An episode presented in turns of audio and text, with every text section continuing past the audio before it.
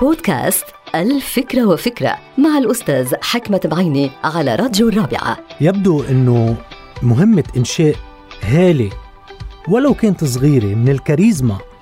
حول الإنسان هي مهمة كبيرة.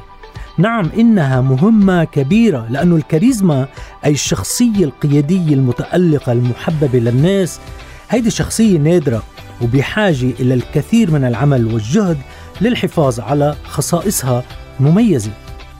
مش كل إنسان كاريزماتيك قادر على فرض شخصيته المحببة في المجتمع. على العكس بالحقيقة اللي بيتمتعوا بالكاريزما هن قلة من الناس. الكاريزما إلى أصول وقواعد منها ما هو وراثي يأتي بالفطرة ومنها ما هو مكتسب يأتي بالعلم والمعرفة والحكمة والدبلوماسية. مثلا القادة الكبار والمدراء الناجحين والمشاهير العظماء بيتمتعوا بهالة من الكاريزما يصعب على أي إنسان آخر أنه يتمتع فيها. هؤلاء الكاريزماتيك بيمشوا تمشي الناس وراهم بيتحدثوا تستمع الناس لألهم بيأمروا بتنفذ الناس أوامرهم. فمن يعتقد أنه التمتع بالكاريزما والعمل على استدامتها هو بالأمر السهل فهو مخطئ. ومن يعتقد أنه الكاريزما هي وهم وسحر وشعوذة هو كمان مخطئ.